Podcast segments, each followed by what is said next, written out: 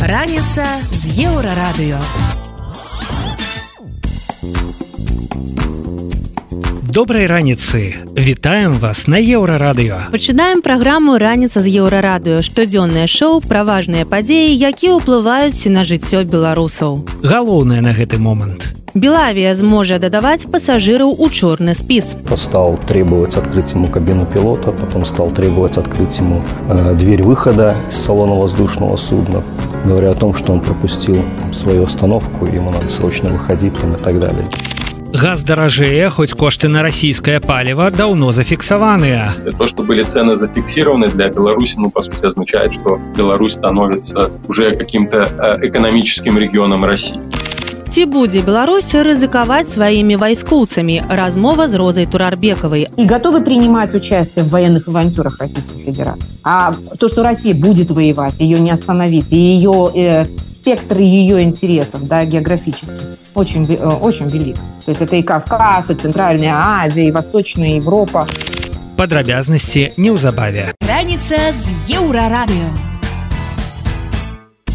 Белавія зможа дадаваць пасажыраў у чорны спіс. Гэта стане магчыма ўжо ў верасні 2024 года, калі набудуць моц змены ў паветраны кодекс. За мінулы год беларуская авіякампанія зафіксавала каля 30 інцыдэнтаў падчас палётаў. Між тым бортправаднікі скардзяцца на пасажыраў куды часцей, мінімум 2-3 разы за тыдзень. Паводле якіх крытэрыяў пасажыры будуць трапляць у чорны спіс. Сярод самых распаўсюджаных называюць алкагольнае ап'яненне, курэнне на борце і бойкі. Пра адзін з такіх выпадкаў распавёў начальнік службы авіяцыйнай бяспекі Белавія Сергей Паўлюкоў. Когда белорусам вернут нормальную возможность летать куда угодно по нормальным человеческим ценам и не думать о том, что на отпуск для детей просто на море ты должен потрачить год, я не знаю, или там, ну, убить инкассатора для того, чтобы позволить себе оплатить такой отпуск. Но очевидно, когда закончится война. Это в первую очередь. Но во вторую, когда будут ликвидированы последствия вот этой стремительной спецоперации по захвату судна. Когда-то это, конечно, закончится. Но дальше встанет вопрос. А нам вообще нужна такая авиакомпания?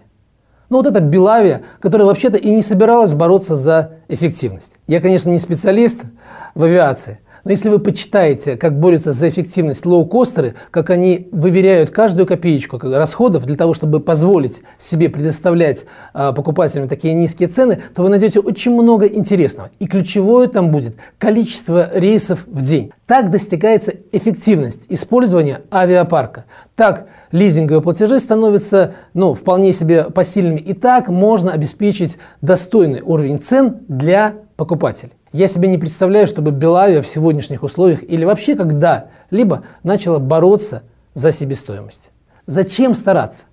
Ну, зачем стараться руководству Белавия, если можно просто поднять цены, продавать билеты в Стамбул по 450 евро? И куда они денутся с подводной лодки? И тут у нас с вами есть всего два варианта.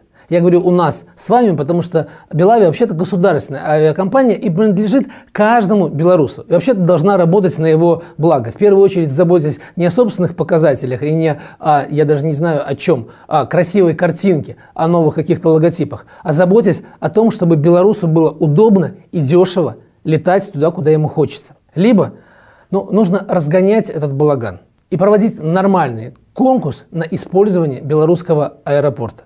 Расположение хорошее. Сам аэропорт выглядит вполне прилично.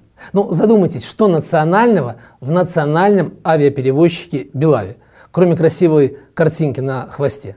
Я знаю, чем отличается белорусская авиакомпания от всех остальных. Там в полете бесплатно раздают советскую Беларусь. Мне кажется, этого достаточно, чтобы называться нацыянальным авіяперевозчикам. Згодна з новымі правіламі неяк дамовіцца з авіякампаніяй і абысці блакаванне будзе немагчыма. Ну што праўда ёсць і выключэнні. Гэта дэпартацыя, калі іншай магчымасці выехаць з чужой краіны няма, а таксама пералёт на лячэнне ці суправаджэнне дзіцяці. Гэта ўсё давядзецца пацвярджаць дакументамі. На які тэрмін кампанія можа ўключыць пасажыраў у чорны спіс засталося незразумелым. Але трапляць туды яны будуць не навечна. Па сканчэнні расследавання ці пакарання перавозчык будзе выдаляць звесткі пра гэтых асобаў. Еўрарадыё. Далей у праграме раніца з еўрарадыё. Газ даражэе, хоць кошты на расійскае паліва зафіксаваныя. То, что были цены зафиксированы для Беларуси, ну, по сути, означает, что Беларусь становится уже каким-то э, экономическим регионом России. Ці будзе Беларусь рызыкаваць сваімі вайскоўцамі? Размова з Розай Турарбекавай. И готовы принимать участие в военных авантюрах Российской Федерации. А то, что Россия будет воевать, ее не остановить, и ее э, спектр ее интересов, да, географических, очень, э, очень велик. То есть это и Кавказ, и Центральная Азия, и Восточная Европа. Пра гэта ды іншае больш падрабязна бліжэйшым часам. Раніца з еўрарадыё. У Беларусі падвысіўся тарыф на транспарціроўку газа. У выніку гэтага мусіць павялічыцца і кошт камунальных паслуг для насельніцтва. Асабліва адчувальным гэта будзе для тых, каго лукашэнкаўская ўлада называе незанятымі ў эканоміцы, бо яны аплачваюць камуналку па поўных тарыфах. Акрамя аб'ёму спажывання на рахунак за газ уплывае і тое, ці ёсць у памяшканні лічыльнікі і колькі чалавек прапісана. Таксама кошты залежаць ад сезону і працэнта выдаткаў, якія кампенсуюцца дзяржавай. Цікава, што летась мінск і Масква падпісалі пагадненне, якім зафіксавалі цану на расійскі газ для Беларусі на тры гады. Але кошты для спажыўцоў усё роўна растуць. Што ж тады азначае фіксацыя коштаў на расійскі газ для Беларусі, разважае палітолог Павел Усаў. То, что были цены зафиксированы для Беларуси, ну, по сути, означает, что Беларусь становится уже каким-то э, экономическим регионом России, потому что фиксированные цены, э, как правило, создаются для э, субъектов Федерации России. То есть, когда уже воспринимают территорию как свою, часть, как свою часть, то какой смысл торговаться, если так это ну, для себя, угу. словом говоря. Угу. Но еще мы не знаем, на каком уровне были зафиксированы, потому что э, Лукашенко хотел просил о том, чтобы это были э, цены ну, на порядок ниже, чем, чем сейчас Беларусь получает. Порядка 100, наверное, долларов за метр, 100 тысяч метров кубических. Не знаю, какая там цена, не буду спекулировать, посмотрим. Атрымліваецца праз газавую сделку з рассіяй беларускія ўлады прайгралі двойчы. Першы раз, калі аддалі яшчэ кавалачак суверэнітэту краіны, а другі, калі не здолелі ўтрымаць цэны, нягледзячы на фіксаваны кантракт на расійскія вуглевадароды. Еўрарадыё. Далей у праграме раніца з еўрарадыё. Ці будзе Беларусь ахвяраваць сваімі вайскоўцамі размова з розай Турарбекавай. И готовы принимать участие в военных авантюрах Российской Федерации. А то, что Россия будет воевать, ее не остановить, и ее э, спектр ее интересов, да, географических, очень, э, очень велик. То есть это и Кавказ, и Центральная Азия, и Восточная Европа. Працягнем неўзабаве. Раніца з еўрарадыё. Беларусь згодна з новай вайсковай дактрынай будзе разглядаць напад на саюзнікаў як агрэсію супраць сябе. Там запісана, што ў выпадку ўцягвання каго-небудзь сяброў лукашэнкі ў вайсковыя канфлікты наша краіна будзе вымушаная ў іх удзельнічаць і прымяняць сілу. Якія менавіта саюзныя дзяржавы маюцца на ўвазе не ўдакладняецца. Але ўсё роўна неспакойна за беларускіх хлопцаў, ці сапраўды ўлады будуць адпраўляць іх на вайну за іншыя краіны. Пра гэта ў размове з рэдактарам рэдактарам еўрарадыё з метром лукашуком разважае экспертка па міжнароднай палітыцы роза турарбекова. Была прапанаваная э, такая як называется военная дактрына новое чытанне і канцэпцыя нацыянальнай бяспекі ці Ну, трошку азнаёміліся з тым прынамсі што было.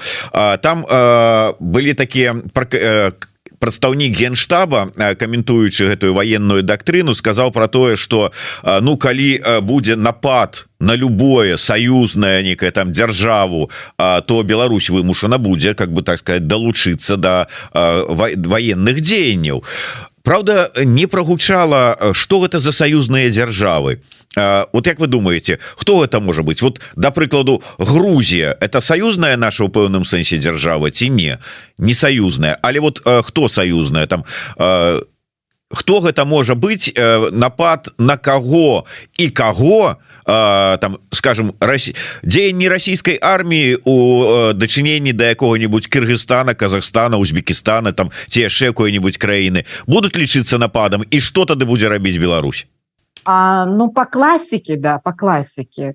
Союзниками признаются те, которые входят в один и тот же военно-политический союз. Ну, или оборонительный союз. Таковым является ОДКБ. Ну, и тут начинается, понимаете, гомерический хохот.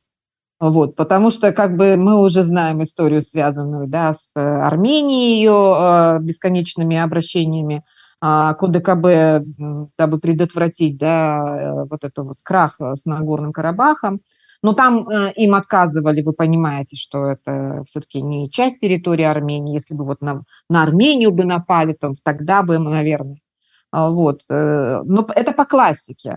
А, кого подразумевают под союзниками, еще раз повторюсь, здесь имеется, наверное, в виду все-таки ОДКБ.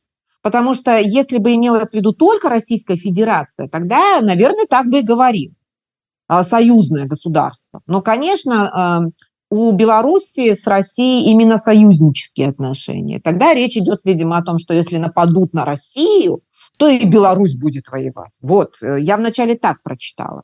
Но если э, э, глубже дальше думать, если речь идет о, об ОДКБ, тогда нападение на Казахстан, совершенно верно, Кыргызстан и Таджикистан может считаться э, э, поводом для того, чтобы белорусские войска были использованы в Центральной Азии.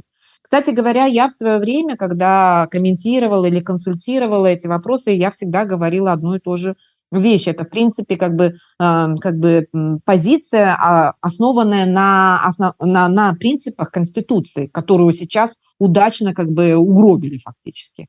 Вот наш этот принцип стремления к нейтралитету, и что а, войска а, белорусские да, не могут быть использованы за пределами территории Беларуси. Это был замечательный принцип. Почему? Потому что каждый раз, когда там, например, меня спрашивали о том, что возможно ли участие белорусских военных, например, сирийской гражданской войне, я отвечала, вы что, вы что, с ума сошли? А может быть, э, скажем так, э, в каких, как это сказать, в каких возможных действиях могут быть заде... Э, участвовать белорусские военные? Например, в патрулировании а, городов. Я говорю, вы с ума сошли?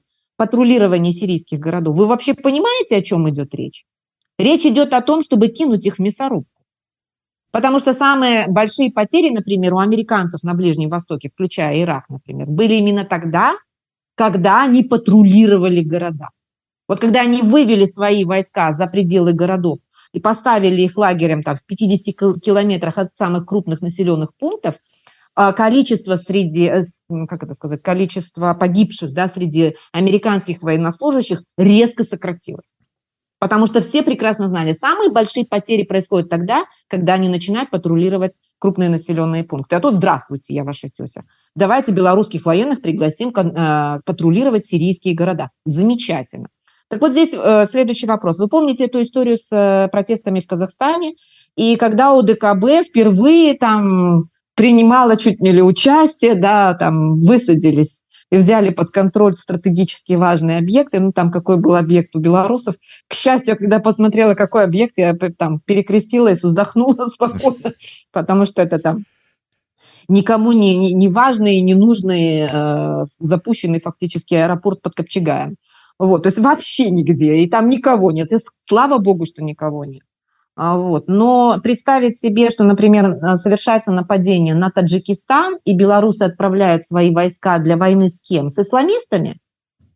А между прочим, русские бы хотели, чтобы белорусы там пролили свою кровь, кстати. Чтобы не им одним доставалось. Я уверена в этом. Они давно затягивают, кстати говоря, белорусов в то, чтобы осуществлять эм, так называемые миротворческие миссии в Центральной Азии и на Кавказе. Это давняя их мечта затянуть белорусов и повязать кровью с собой. Вот. И если речь идет об этом, ну что я могу сказать? А вы, ребята там, вот военные, да, там, кто там, а, высший офицерский состав, вы готовы посылать своих детей в Афганистан? Потому что не очень большой будет знач... не, не очень большая будет разница между Афганистаном и Таджикистаном, если там действительно начнутся военные действия. Кыргызстан, вот, потому что я, например, очень хорошо помню, может, никто, они не помнят, я хорошо помню, исламское движение Узбекистана, одно из а, самых воинственных а, подразделений в Центральной Азии. а, который совершал в свое время теракты, и которые потом, ух, они потом, боевики, иду ушли в, в Афганистан, и потом они были в Пакистане. Они там каждое лето совершали рейд в Узбекистан с желанием уничтожить режим а, Ислама Каримова. Ну и по ходу, естественно, они людей убивали. Понятное дело, что как бы не, не, не, не, с, не с цветами шли. А вот, э, вот с такими людьми, с такими боевиками наши э, ребята белорусские, да, военные, будут воевать? А уже не говоря о том, что мы можем впоследствии, как я и говорила, впоследствии мы можем получить еще и джихад на территории Беларуси. Готовы к этому? А, вот. И готовы принимать участие в военных авантюрах Российской Федерации. А то, что Россия будет воевать, ее не остановить, и ее э, спектр ее интересов, да, географических, очень, э, очень велик. То есть это и Кавказ, и Центральная Азия, и Восточная Европа. В общем, куда захотят, туда и вступят, как говорится. А это как? Э, мы в этом будем принимать участие? А сегодня на, а, в России уже бомбят Белгород, да, например. Это считается нападением на Россию? Так что, завтра после принятия этой военной доктрины мы вступим в войну с Украиной? Э, вот когда они делают подобного рода заявления, мне иногда кажется, что они то ли не соображают, то ли не отдают себе отчет в этом, то ли они уже лишились последних там своих там самостоятельных соображений и просто вторят тому, что им говорит Москва. Ну вот мое такое примерно отношение, моя оценка такая. Достаточно опасная тенденция принятия такой военной доктрины, которая, кстати говоря, попирает все основные принципы конституционные, которые были заложены при создании независимого государства Республики Беларусь. Да таго ж у бліжэйшы час пройдзе сустрэча лукашэнкі і Пуціна что гэта можа значыць працягвае роза турарбекова? Давайте да яшчэ раз да, ну, беларусках і можа быть расійскіх адносінаў сёння лукашенко сустракаўся з мезенцевым. Это дзяржсакратара саюзнай дзяржавы там пачалася падрыхтоўка як пафосна заяўляюць да вышэйшага дзяржсавета саюзнай дзяржавы. Ну і там ужо анансавана что перад гэтым будзе тэт-а-тэт размова лукашэнкі з Пуціным нейкія там пытанні по саюзнаму будаўніцтву будуць вырашацца.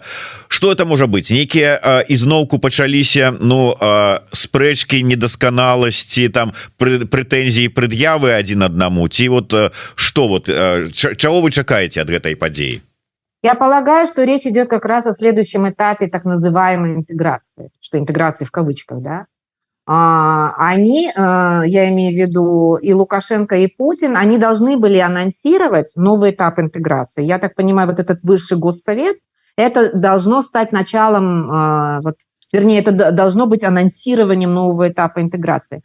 Э, они должны были согласовать вот этот вот перечень новых дорожных карт, то есть к тем дорожным картам, которые мы с вами уже знаем, реализовываются, да, добавить еще новый перечень дорожных карт. А все находится опять за семью печатями, э, опять мы ничего не знаем, ни список, ни количество, ни сферы, все это как бы там какие-то эм, делаются очень приблизительные заявления. И я так полагаю, что это все отражается, вернее, это все э, объясняется тем, что они до сих пор между собой, видимо, не согласовали этот список дорожных карт. Я так полагаю. И Лукашенко, я так понимаю, изворачивается там, как уж, да, на сковороде, да, крутится, а, выворачивается. Он изворачивается и пытается избежать э, включения в этот список дорожных карт каких-то э, карт, которые опять нам с вами, да, неизвестны, которые окончательно у него отнимают, да, важные рычаги а, воздействия и влияния, в первую очередь самостоятельного, да, поведения – а, самостоятельно, извините меня, политики а, в таких важных сферах, как, например, налоги, там, финансы, э, еще что-то. Вот. Скорее всего, речь идет об этом. Поэтому я так полагаю, что вот э, поэтому отсюда и така, такой туман да, напущен, что вот они там должны собраться, а, а перед этим они должны вдвоем. Вот. Я думаю, что и с этим связано.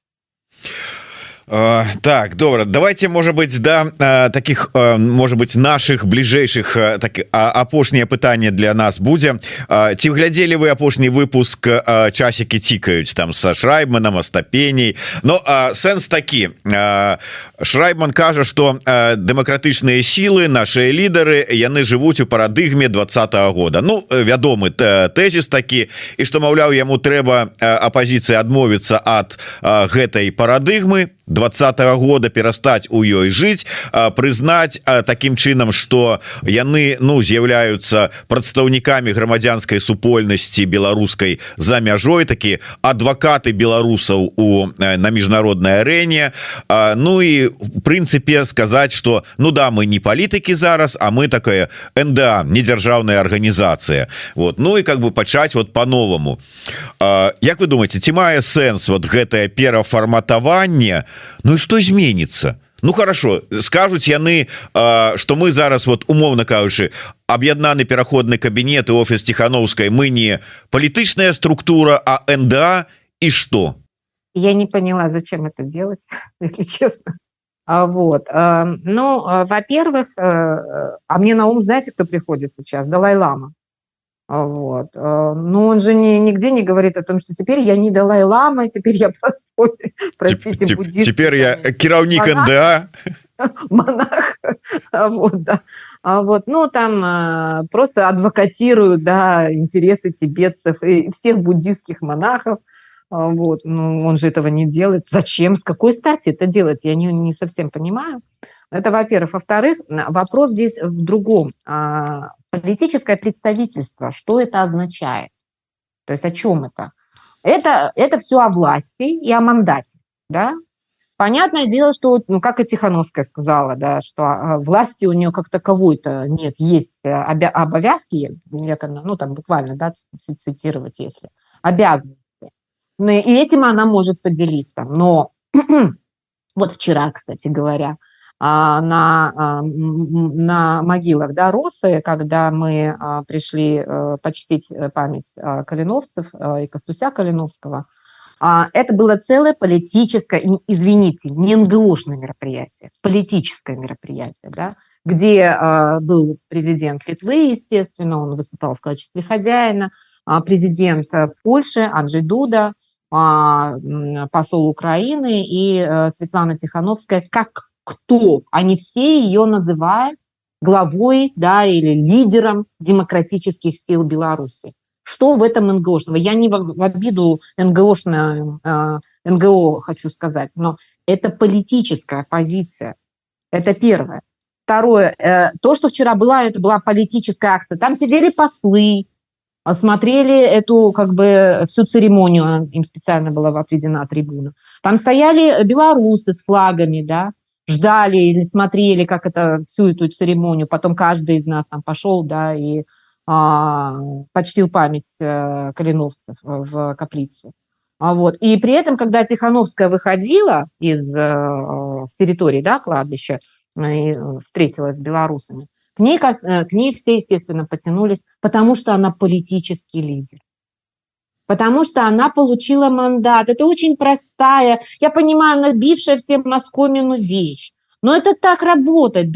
Она, она значение имеет не для Шрайбмана, Турарбековой, там, Слюнькина, не для нас, экспертов, господи, если нас всегда слушают, так я вообще не знаю, где мир будет, да? Можно просто лечь, лежать, ничего не делать, все, все и так понятно. Сильные мира сего победили, и, в общем и целом, дьявол э, у руля но а, к ней подходят простые белорусы, а с их э, голосами и симпатиями как быть? Как быть? Они на нее смотрят, как на политического лидера. Ни одного президента при выходе срок, извините, так не приветствовали, как Светлану Тихановскую. Ее все окружили, там все хотели с ней сфотографировать. Кто она? Звезда, что ли, голливудская теперь? Как она будет себя представлять? Ну, ну, я э, я понимаю это выражение определенной и скепсиса, и разочарования, и такого суперреализма, я бы сказала так, да. И я отчасти понимаю э, интенцию вот этих, эм, а, как это сказать, э, тезисов. Я не смотрела, э, часики тикают, а, я видела анонс, но я не смотрела, на жаль, я в это время, у меня есть куда как бы а, как это время я трачу, к сожалению, там у меня его не 20, даже не как-то даже не 24 часа в сутки, я еще и спать должна, да. А, вот, но я, я бы хотела бы посмотреть, не могу все посмотреть буквально.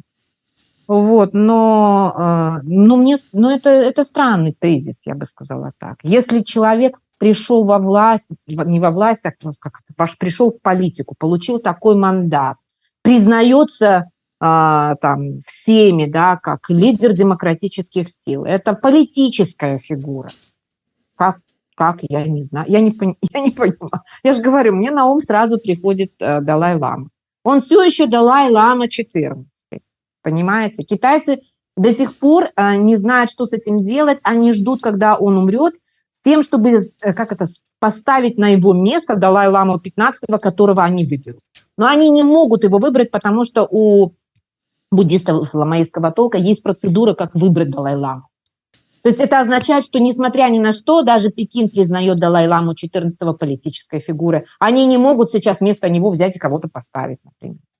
То есть если это это, это история, черт знает сколько десятилетий, да, и, и все еще Далай-Лама 14 является политической фигурой, да, то почему мы должны отказываться от э, Светланы Тихановской как нами избранного президента. Я не понимаю.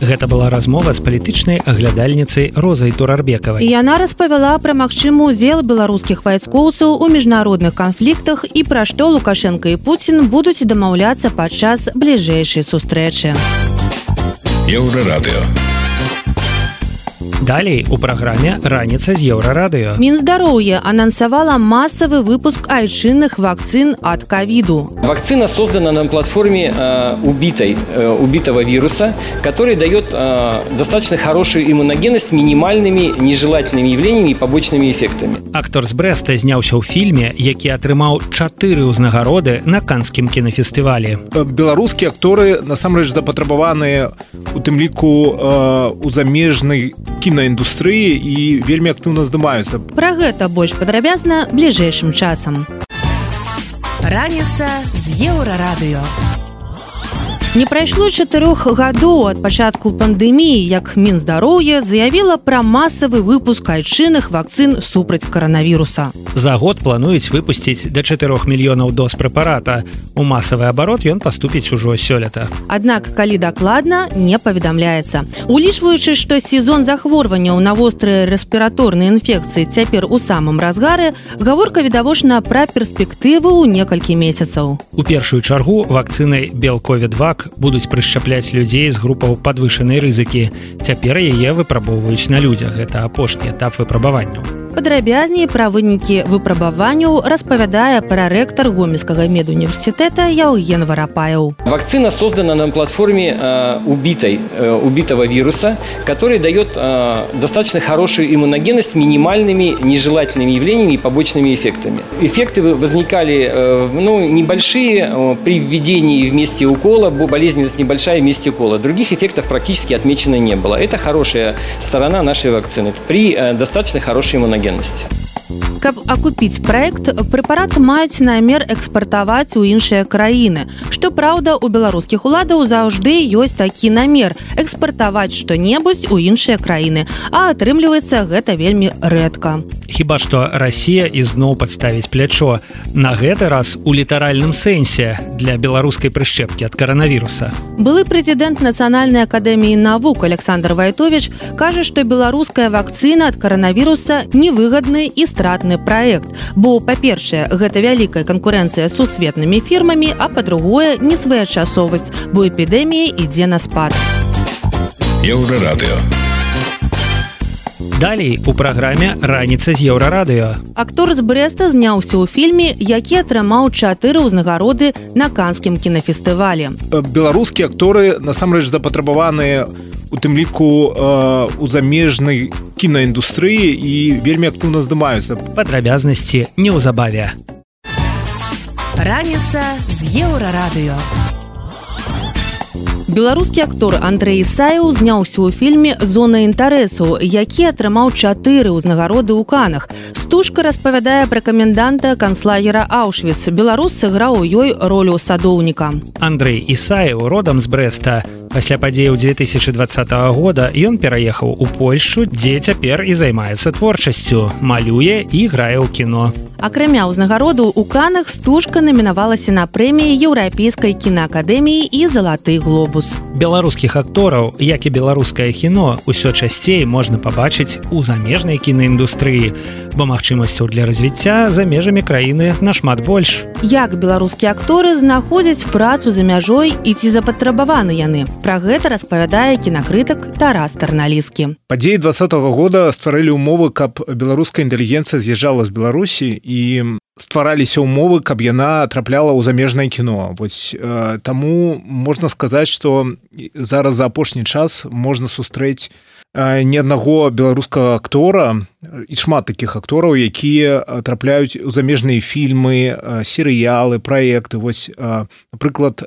актор александр ефрэмаў з'явіўся ў серыяле інфініці гэта французскае шоу якое фактычна было намінавана на амерыканскую прэмію эммі таксама ёсць беларуская якая раней эмігравала до два яшчэ году. І акторка э, з'явілася гэта была мінчанка яна з'явілася ў серыяле тэдласа то бок э, беларускія акторы насамрэч запатрабаваныя у тым ліку э, у замежнай кінаіндустрыі і вельмі актыўна здымаюцца. Пакуль што канешне далёка не на галоўных ролях і нават і не на другасных ролях. Яны хутчэй граюць эпізоды але пры гэтым бачна што іх узроўняў хапае каб якасці творчай працы каб удзельнічаць у працэсе. А гэта значыць што мы далей пабачым іх працы ў замежных серыялах і гэта толькі пачатак вось той хвалі якая была абумоўлена рэпрэсіямі з боку рэжыма адносна вось творчай інтэлігенцыі і людзей творчых прафесій. Гэта такая уцечка мазгоў якая мне падаецца будзе працягвацца і толькі э, расці вось гэты самы поток што да кіноіндустрыі ў самой беларусі дык яе амаль няма бо пад санкцыямі ўладам не да культуры а калі нешта і здымаюць дык у асноўным гэта махровая прапаганда. Раніца з еўрарадыё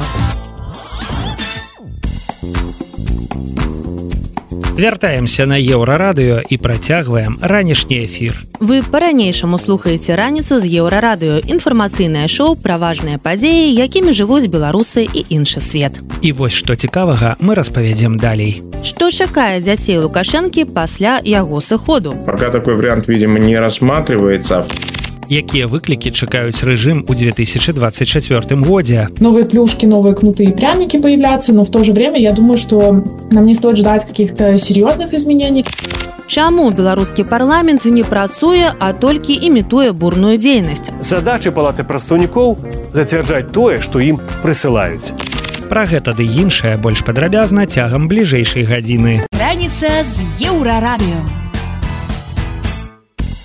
У бацькі адзіночкі Александра Лукашэнкі трое дзяцей Віктор, Змітрый і Миколай. Старэйшыя і сярэднія верныя памочнікі рэжыма, непасрэдна задзейнічаныя ў рэпрэсіях і карупцыйных схемах у Беларусі. А вось малодшы Миколай пакуль яшчэ не паспеў сябе запляміць. Хіба што з дзіцячага ўзросту ён выкарыстоўваецца прапагандай для захавання пазітыўнага іміджу лукашэнкі. Як паказвае сусветная гісторыя, лёсы дзяцей дыктатараў і аўтакратаў складваюцца вельмі цяжка і драматычна. І ўсё дзякуючы неадказным паводзінам сваіх бацькоў. Дык што чакае дзяцей лукашэнкі? Свой прогноз робіць палітычны аналітык і гісторык Александр Фридман. Два детей Александра Лукашенко, вернее, что их ожидает в дальнейшем, конечно же, зависит в первую очередь от того, как будет развиваться Беларусь и какова будет судьба диктаторского режима. Если представить себе тот вариант, что Лукашенко до конца своих дней либо будет находиться у власти на президентском посту, либо просто будет сохранять в какой-то там, ну, в каком-то другом формате, например, в качестве главы Всебелорусского народного собрания будет сохранять влияние на политические процессы в Беларуси, то я думаю, что в негативную сторону тогда у его детей, разумеется, э, ничего не изменится. Если же у самого Лукашенко возникнут серьезные проблемы, в том числе юридического характера, то ничего хорошего его детей, соответственно, не ожидает. Если посмотреть исторически в таких случаях, и даже особенно знакомый случай Лукашенко, случай бывшего президента Кыргызстана Курматбека Бакиева, которого в Беларуси -то Лукашенко и приютил, он-то приютил его и именно семьей, потому что стало понятно, что после свержения Бакиева нет никаких перспектив для его клана и в самом Кыргызстане, поэтому и семья, все семейство вынуждено было покинуть страну. Если возникнут такие серьезные проблемы у Лукашенко, то, я думаю, будет его семье в Беларуси тоже весьма неуютно, поэтому я бы не исключал, что и им, что они в итоге вынуждены будут Беларусь, Беларусь-то то покинуть. Скажем, это, это, этого варианта я, по крайней мере, то не исключал. Я думаю, что Лукашенко-то сам, сам это понимает. Беларускі аўтакрат жадаў бы перадаць уладу сваім дзецям, але пакуль не ведае, як тое зрабіць і вельмі баіцца самога слова транзіт. Справа ў тым, што збудаваная лукашэнкам сістэма суперпрэзідэнцкай рэспублікі цалкам залежыць менавіта ад яго персоны і натуральным чынам разваліцца, калі яго пасаду зойме іншы чалавек, нават калі гэта будзе адзін з яго сыноў. Александр Фрыдман працягвае аповед, чаму транзіт улады ў Беларусі вельмі складаная, калі ўвогуле магчымая процедура. Пока, по крайней мере, передача власти по наследству, а на самом деле это самый надежный вариант для, для детей-то как раз-таки, что если клан находится у власти и сохраняет свое влияние, то, соответственно, члены этого клана э, тоже находятся в хорошей, хорошей позиции. Но пока такой вариант, видимо, не рассматривается, а в какой степени какие-либо преемники или преемницы могут Лукашенко обеспечить или дать гарантии для безопасности и спокойном существовании его семьи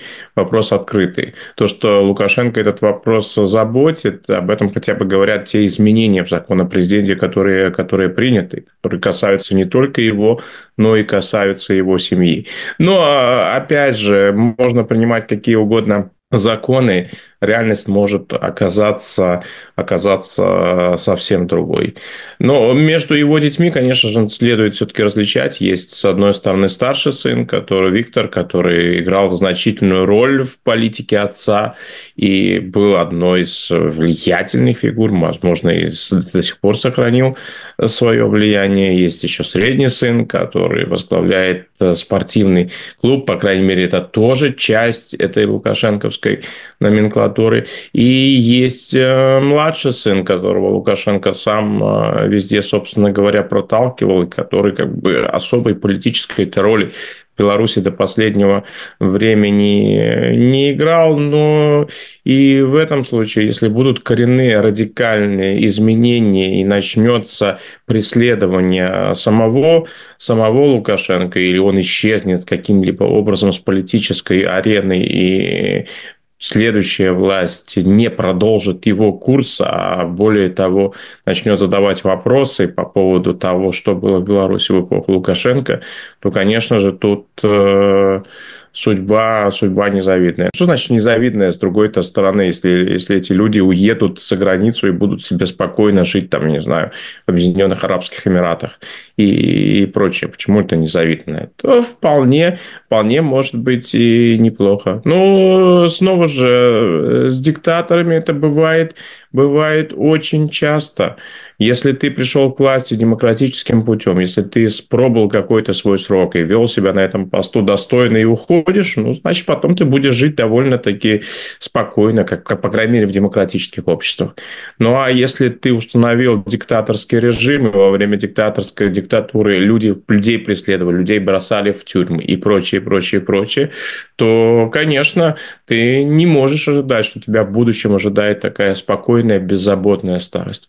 Так что тут э, будет довольно сложно, я думаю. З намі быў Александр Фрыдман, палітычны аналітык і гісторык. Эксперт паразважаў, які лёс нападкае нашчадкаў Лукашэнкі і ці змогуць яны кіраваць Беларусю пасля меркаванага транзіту ўлады.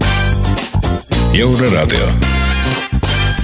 Далей у праграме раніца з еўрарадыё. Якія выклікі чакаюць рэжым у 2024 годзе? Новые плюшки, новые кнутые пряники появляться, но в то же время я думаю, что нам не стоит ждать каких-то серьезных изменений. Чаму беларускі парламент не працуе, а толькі імітуе бурную дзейнасць? Задачы палаты прадстаўнікоў зацвярджаць тое, што ім прысылаюць. Працягнем пасля навінаў спорту.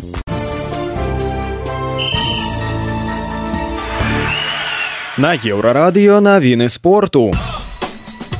Вікторыя Азаренка выбыла з адкрытага чэмпіянату Аўстраліі. У адной восьмай фіналу беларуская тэнісістка прайграла ў двух сетах украінцы даяні ястрэмскай 6-7 4-6. На Аўстрэля Ноупен працягвае выступаць Арына Сабаленко. У чвэрцьфінале яна сустрэнецца з чэшкай барбарай крэйчыкавай. У баскетбалістаў мінска ўжо 23 паражэнні запар у сезоне. У чарговым матчы чэмпіянату адзінай лігі втб яны на сваёй пляцоўцы прайгралі маскоўскай руне. 62 76 24 студзеня ў краснадары аўтсайдераў чакае лакаматыў кубань Зборныя Даніі і Швецыі сталі першымі паўфіналістамі мужчынскага чэмпіянату Еўропы па гандболі. Яны занялі ў сваёй групе першае і другое месцы. Паўфінальныя паядынкі пройдуць 26 студзеня ў кёльне.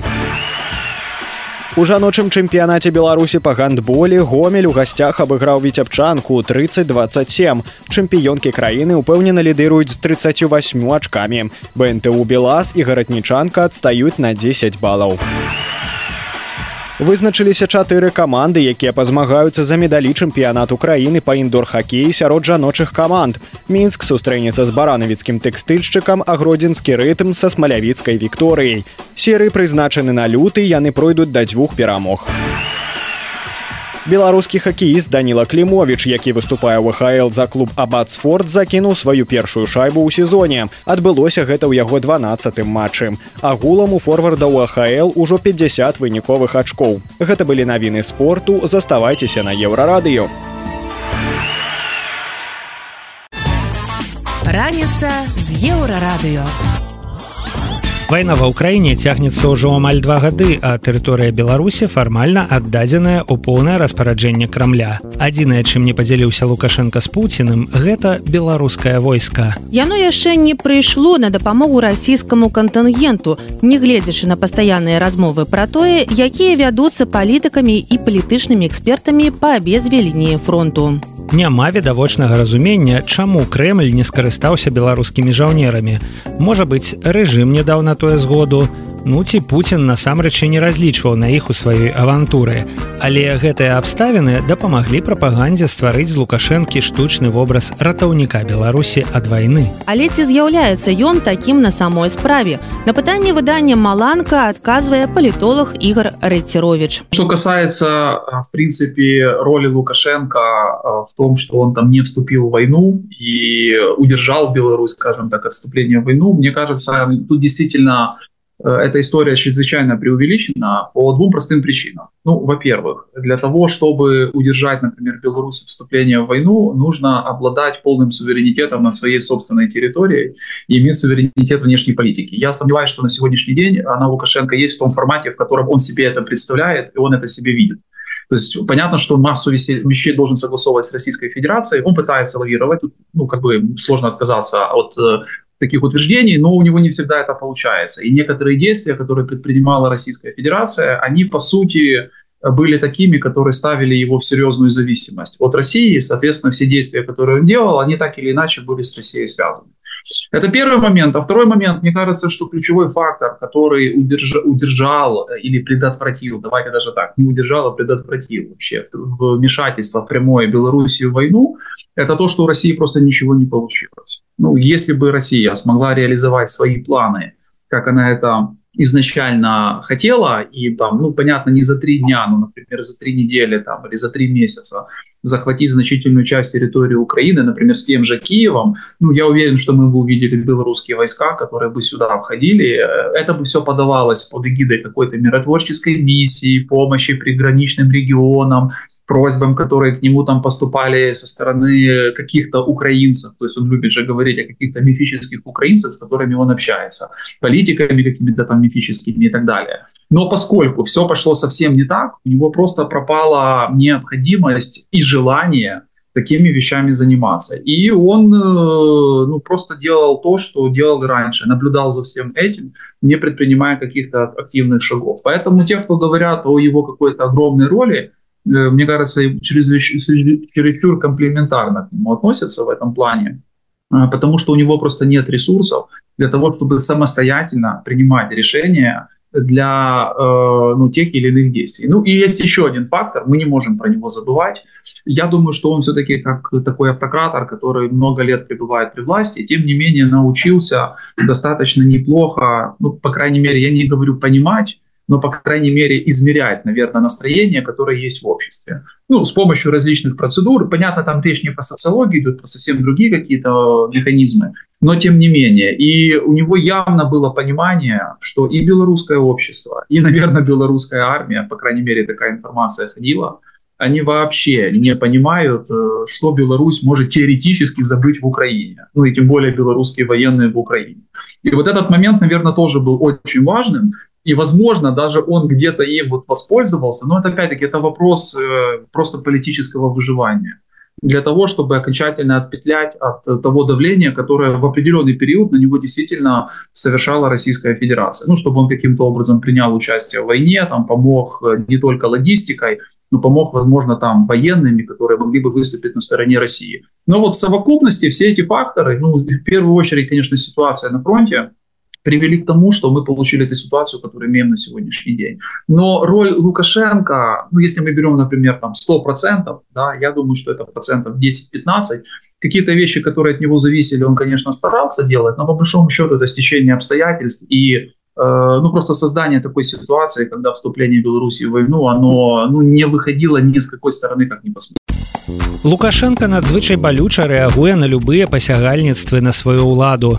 Менавіта таму ў краіне рэпрэсіі цягнуцца ўжо амаль чатыры гады. Але ўсе моманты не пракантралюеш, асабліва калі яны адбываюцца недзе звонку. У 2023 годзе такіх падзей для хвалявання рэжыма хапала. Дастаткова згадаць мяцеж у рассіі кіраўніка ПВК Вагнер Яўгена Прыгожына. У гэтым годзе колькасць чорных лебедзяў, якія правераць рэжым на трываласць можа павялічыцца.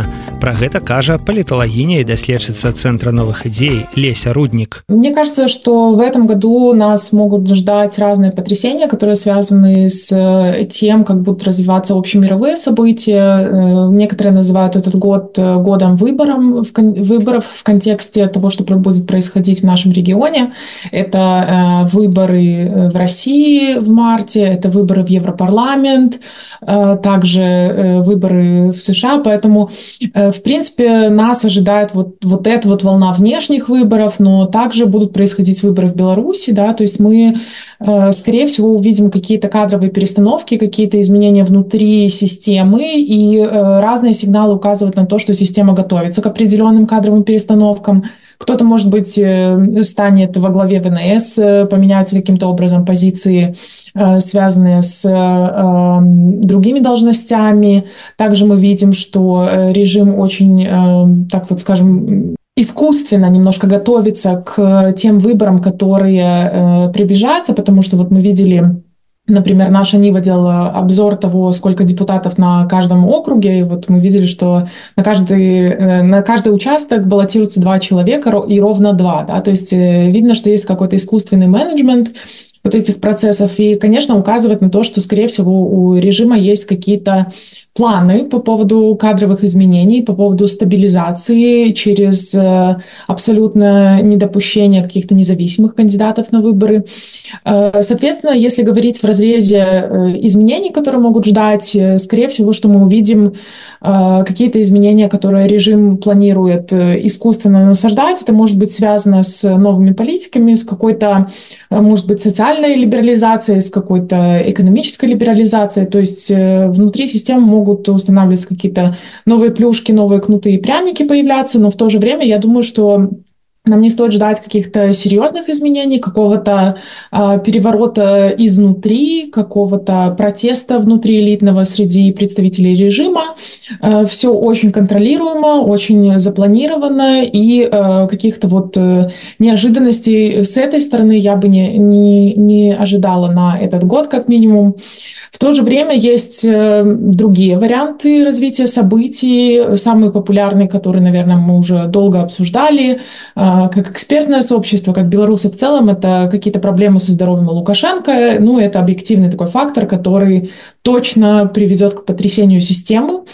И есть надежда на появление какого-то окна возможностей, которым э, вроде бы как должны воспользоваться более демократичные политики. Поэтому э, такой вариант он остается, но при этом я считаю все равно, что вряд ли мы его застанем в этом году.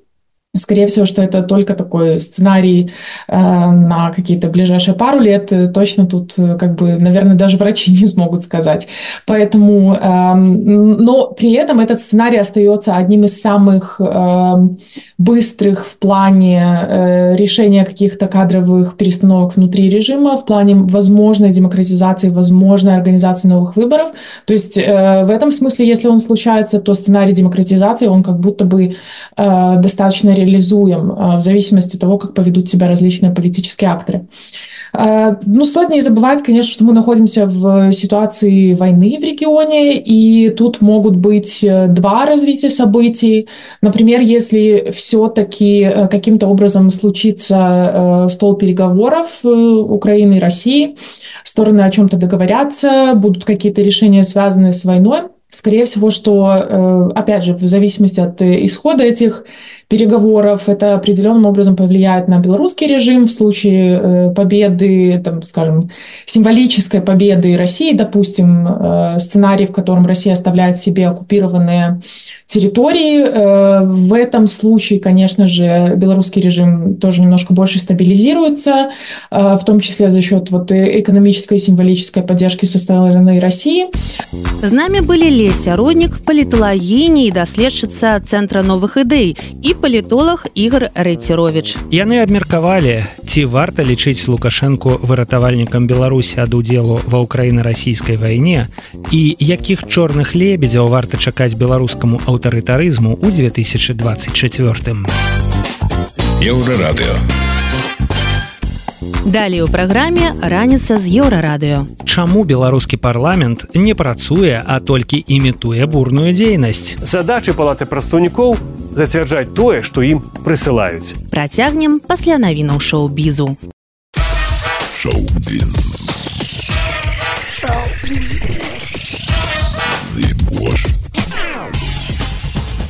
Навіны шоу-бізу на еўрарадыё Прэм'ерай спектакля вечар па п'есе дударова тэатр беларускай драматургіі адзначыў сёлета юбілей народнай артысткі беларусі татяны рэгораўны мархель паведамляе рэформ бай вядомай актрысе тэатра і кіно споўнілася 19 студзеня 85 гадоў. У гэты дзень татяна мархель выйшла на сцэну пастаноўцы ў ролі ганны ды прымала віншаванне ад калегі публікі на бенефісе. Гэтаксама тэатр падрыхтаваў падборку онлайн-пастановак з яе удзелам у абвешчаны поўны спіс намінантаў на 74 берерліналі кінафестываль адбудзецца ўжо ў наступным месяцы і будзе доўжыцца з 15 по 24 лютага моцны канкурэнтны спіс складаецца ў тым ліку з такіх зорных стужак як іспанская the kitchen з руні мара эназа энд з гаэлем гарсіля берналем і фільм адкрыцця small things like this з кіленам мёрфі ў галоўнай ролі Фестываль таксама ўключае ў сябе працы італьянскіх і французскіх рэжысёраў, але ў еасаенса на тэму пандэміі суспендed time і навукова-фантастычны фільм Бруна Дзюмона The Empire. Прэзідэнткай складу журы сёлета будзе аскараносная актрыса Люпіта Ніёнга. Італьянская мода на восень зіму 24 нечакана адмаўляецца ад гендернай плыўнасці і вяртаецца да класічнасці ўспрымання мужчынскага вобразу. Подыум пад уплывам эканамічных ды геапалітычных праблем і сапраўднага жадання стабільнасці ў свеце пераўтварыўся на месца адраджэння традыцыйных стыляў. Бренды класа люкс у тым ліку гучы і прада абіраюць мінімалізм, а дольчын габана мінімалісткі эратычны акцэнт. Супрацьвагой стае бренд зэгна под кіраўніцтвам александра сарторы які робіць смелы крок ад жорсткасці прасоўваючы мужнасць адкрытую да змен. Італьянская фэшн-індустрыя сёлета адлюстроўвае контррэфармісцкі рух кідаючы выклік папярэднім чаканням хрэсніца пісьменніка владимира караткевича дапамагае гучыць каласы пад сярпом тваім алеся сёмуха падтрымала ініцыятыву кніжны воз запіс рамана пачаўся ў студзені па словах сузаснавальніцы ініцыятывы крысціны дробыш праект агучыць каласы патрабаваў вялікіх выдаткаў Вялізнейшы твор і мы разумелі што ўласнымі сіламі гэта будзе досыць складана працягнуць гаворыць крысціна дробыш. У верасні стала вядома што каласы пад сярпом тваім выключылі з праграмы беларускіх школ. Гэта былі навіны шоу-бізу заставайцеся на еўрарадыё. Раніца з еўрарадыё Улада Беларусі шчыльна рыхтуецца да адзінага дня галасавання, які адбудзецца 25 лютага і ўжо пачалі рэгістраваць кандыдатаў у дэпутаты. Поўны спіс тых, каго рэжым дапусціць да так званай выбарчай кампаніі стане вядомы праз два тыдні, але напрамак ужо зададзены прапагандай. На чыноўнічай мове ён фармулюецца так уключыць у гонку моцных прафесійных і адказных людзей. А калі перакладаць на чалавечую мову гаворка ідзе пра цалкам правераных і лаяльных лукашэнку бюракратаў. Усяго ў лютым у палату прадстаўнікоў трапіць 110 новых дэпутатаў. Яшчэ 12 тысяч стануць дэпутатамі мясцовых саветаў. А пасля апошнія у красавіку будуць абраныя чальцы савета рэспублікі. Але з чым увогуле занятыя беларускія дэпутаты, большасць з якіх у медыйнай прасторы не бачна і не чутна. Што яны робяць і за што атрымліваюць заробак? Гісторыю так званай беларускай палаткі распавядае журналіст Дмітрый Гурневіч на YouTube-канале радыё свабода. Спачатку пару слоў пра гісторыю палаткі. Так у беларусі простымі словамі называюць гэты орган. Гэтую канструкцыю прыдумаў лукашенко. Адбылося гэта ў 1996 годзе пасля таго як у краіне адбыўся канституцыйны пераварот лукашенко змяніў канстытуцыю атрымаўшы паўнату ўлады і разагнаў верхоўны савет 13 склікання якім былі дэпутаты розных поглядаў з розных партый, якія смелі не пагаджацца з лукашэнкам. Никакие авантюристы, никакие негодяи, которые сегодня с западными политиками стали поперек нашей жизни, не заставят меня отдать власть и бросить народ в омут противостояния, крак и смут. А вось так тады гучалі аргументы прыхільнікаў лукашэнкі за распуск Я за распуск? Во. А что такое? Я, я не понимаю. Что это такое? Что-то делается. Видите, как у Москве? Ельцин. Все перевернул, что надо было. А на что Лукашенко не может? Надо перевернуть. Так Лукашенко ператварыў Беларусь з прэзідэнцка-парламенцкай краіны ў прэзідэнцкую, атрымаўшы ўсю ўладу. Палата прадстаўнікоў была створаная на падставе дэкрэту новых выбараў у 96 годзе ніхто не праводзіў. У палатку проста ўключылі 110 дэпутатаў распушчанай гархоўнага савета, якія заявілі аб адданасці лукашэнку. Так іх запрашаў на сваю сустрэчу тагачасны дэпутат Іван Пашкевіч, які падтрымаў лукашэнку. Еще раз подчеркиваю здание Карла Маркса 40 через 20 минут Э, собрание депутатов сейчас продолжает работу. Через 20 минут произойдет встреча с президентом Республики Беларусь Лукашенко. Спасибо за внимание. Пожалуйста. Значит, что-то за депутатское собрание у нас ни в Конституции, ни в законах нету. Геннадий Дмитриевич, не надо. Значит, еще раз говорю, ну перестаньте же вы на Карла Маркса. Палата прадстаўнікоў была унікальным у сусветнай гісторыі парламента. Яна пярэчыла нават самой лукашэнкаўскай канстытуцыі. Да таго ж дэпутаты, якія перайшлі туды з вярхоўнага савету, прадстаўлялі ўсяго 43 проценты выбарцаў. Яшчэ меншымі былі іх паўнамоцтвы. Дэпутаты не ініцыявалі законаў. Іх рыхтавала адмысловая структура пры адміністрацыі лукашэнкі. А дэпутаты проста за іх галасавалі. У свабодных краінах парламенты кантралююць уладу, а тут дэпутаты не маглі нічога кантраляваць. Бо Лукашенко стварыў камітэт дзяжкантролю, які атрымаў такія паўнамоцтвы. Дэпутаты прымалі бюджэт і галасавалі за новыя падаткі. Але нават іх Лукашенко ігнараваў і ўводзіў новыя падаткі сваімі дэкрэтамі. У свабодным свеце парламент гэта месца, дзе людзі з рознымі поглядамі дыскутуюць і спрачаюцца. Да гэтага абавязвае само французскае слово парле размаўляць, ад которого і ўтварыўся тэрмін парламент. Часам вельмі востра, каб у спрэчцы перамагала найлепшая візія закону, якая палепшыць жыццё грамадзян. Так як у брытанскім парламенце, дзе спікеры даводзяцца крыкам супакойваць дэпутатаў, якія таксама крычаць. I will not tolerate such behaviour. If you want to go out, go out now. But if you stand again, I will order you out. Make your mind up. And then shut up and get out. Або як у французскім парламенце, дзе левыя дэпутаты выступалі супраць пенсійнай рэформы і перашкаджалі выступу прэм'ер-міністркі.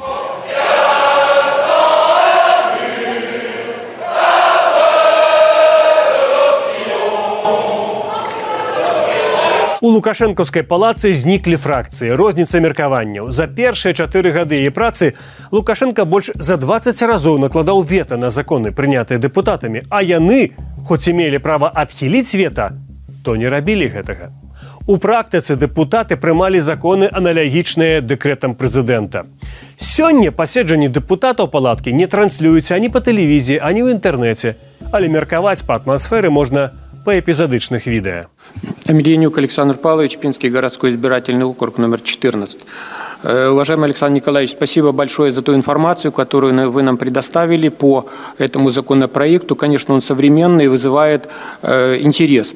Э, слушая ваш доклад, э, задался вопросом, а насколько достижения наших ученых интересны мировому сообществу? Коли вам хочется доведаться отказ, то депутату Амельянику отказали, что распрацоўки белорусских навукоўцаў моцна цікавіць свет. Але мы сёння не пра гэта, а пра тое, чым жа займаюцца дэпутаты, якія сядзяць у авальнай зале. Калі верыць на слова супрацоўнікам праўладных медыяў, эфектыўнасць беларускіх дэпутатаў проста фантастычная, але наяўныя факты кажуць пра адваротнае. Законапраекты, якія трапляюць у палатку, фактычна прымаюцца аднагалосна. Памятайце масавыя пратэсты супраць закона аб дармаестве. Дык вось, супраць гэтага закона прагаласавалі толькі дзве асобы з больш як сотні. І тое гэта былі на той момант дэпутаткі апазіцыянеркі Алена Анісем і Гана Канапацкая. Дмітрый Гурневіч працягвае распавядаць пра бессэнсоўнасць працы беларускага парламента. Задачы палаты прадстаўнікоў зацвярджаць тое, што ім прысылаюць. Самі яны практычна не ініцыююць аніякіх законаў. А менавіта ж законатворчасцю і займаецца ў свеце парламент. А цяпер давайте паглядзім на статыстыку, якую апублікавала сама палата прадстаўнікоў. За 5 год працы дэпутаты не адхілілі аніводнага законапраекта, а ніводнага не адправілі на дапрацоўку, а ніводзін з законаў, якія там прынялі, Лукашенко не адправіў назад на дапрацоўку. Фантастыка самі дэпутаты за ўсю дзевятую сесію якая працягвалася 9 месяцаў усяго каля 10 разоў скарысталіся заканадаўчай ініцыятывай гэта тая самая сессия про якую спикер андрейченко казаў то она конечно была продолжительной вот напряженной и самое главное результативной і пры гэтым частка прапанаваных дэпутатамі правак тычылася акурат іхнай працы то бок дзейнасці палаткі а не закону якія спрашчаюць жыццё беларусаў але депутат клішевич думае інакш Как отличаются белорусские и европейские законы? Наши законы формирует народ, а европейцам законы пишут американцы. Як выглядае гэтае фарміраванне пераканаўся на сваю скуру амаль 70гадовы пенсіянер з гомельшчыны Мікалай Віцікаў. У 22 годзе ён захацеў правесці ў сваёй вёсцы дыялёгавую пляцоўку, каб абмеркаваць папраўкі ў канстытуцыю. Спачатку пайшоў да абласнога дэпутата, а пасля да рэдактаркі раённай газеты, якая па сумяшчальніцтве і шэсць старшыня раённай арганізацыі Белая Русь мужчына скардзіўся на фальсіфікацыю выбараў гвалт з боку сілавікоў. Пасля пачутага пільная функцыянерка белой русі выклікала міліцыю. Пенсіянеру прысудзілі 8 месяцаў калёні нібыта за дыскрэдытацыю Рэспублікі Беларусь. Параду такімі кветцікаў дае дзейсны магчыма будучы дэпутат палаткі Игорь Марзалюк. Когда кто-то начинает критиковать власть, а э, он должен сначала посмотреть на себя. За Миколая Віцікава заступілася ягоная вёска. У хадайніцтве людзі напісалі, што ён ніколі не прыцягваўся да адказнасці.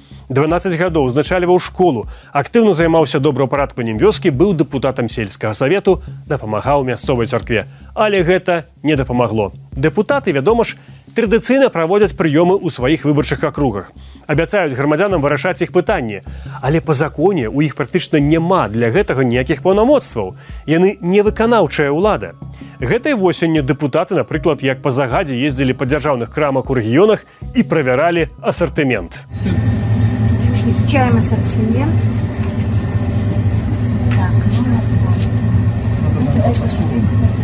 Навошта гэта рабілася незразумела у дэпутатаў няма ніякіх паўнамоцтваў каб павялічыць асартымент у крамах зрэшты чарговыя дэпутацкія інспекцыі і не ўбачылі такой неабходнасці население имеет возможность приобрести все необходимое и по достаточно демократичным ценам. Э, Даже можно сказать, что в некоторых торговых точках э, цены на некоторые отдельные товары, продукты питания ниже, чем в столичных э, супермаркетах и гипермаркетах. Это не может не радовать. Вояк то бок большасць цэнаў у зельве вышэйшая чым у менску самым багатым горадзе беларусі. Але калі у вас ёсць праблемы з асартыментам ці цэнамі то памятайце дэпутаты праверылі ўсё у парадку. Дэпутаты маюць права слухаць дзяржаўных чыноўнікаў і задаваць ім пытанні. Якасць гэтых пытанняў вы можете ацаніць самі. Яны пералічаныя ў інфармацыйна-аналітычным бюлетэне на сайце палаты прадстаўнікоў. Напрыклад дэпутат насення цікавіўся падчас справаздачы старшыні нацбанку ці актыўна праходзіць абмен купюр узору 2000 году на купюры і манеты 2016 году і ці шмат старых грошай у насельніцтва навошта яму гэта загадка Ну і канешне ж дэпутаты часта выступаюць у дзяржсмі каб хваліць уладу тут няма роўных олегу гайдукевичу які готовы размаўляць у сми на любую тему То есть я всегда всех слушаю, но всегда делаю так, как считаю нужным. Ох, опасно с вами иметь дело. Ну, женщина должна уметь подчиняться. Я сексист. Вот. За такую напружаную і як казаў Андрейченко эфектыўную працу дэпутаты палаткі ў месяц зарабляюць амаль паўтары тысячи даляраў. Заробак ім плоцяць усе беларусы са сваіх падаткаў. Канчатковы спіс кандыдатаў стане вядомы праз два тыдні. Ва умовах палітычных рэпрэсій балятавацца цяпер у так званы парламент незалежным ад улады кандыдатам выглядае як самагубства. Адзінкі ўжо паспрабавалі, іх не зарэгістравалі. А пра тое, што інтрыгі на гэтых выбарах не будзе, заявіў і сам Лукашенко. Мы абсолютно не прячем то, что мы кого-то будем поддерживать. Это естественно. Если мы сейчас, знаете, такими целомудренными себя представляли, с нас бы просто смеялись. З намі быў журналіст Дмітрый Гурневіч. Ён распавёў, як Лукашенко разбурыў дэмакратычную сістэму кіравання краінай і збудаваў на яе руінах двухпалатны парламент, які вось ужо амаль тры дзесяцігоддзі не працуе, а толькі заўзята імітуе актыўнасць.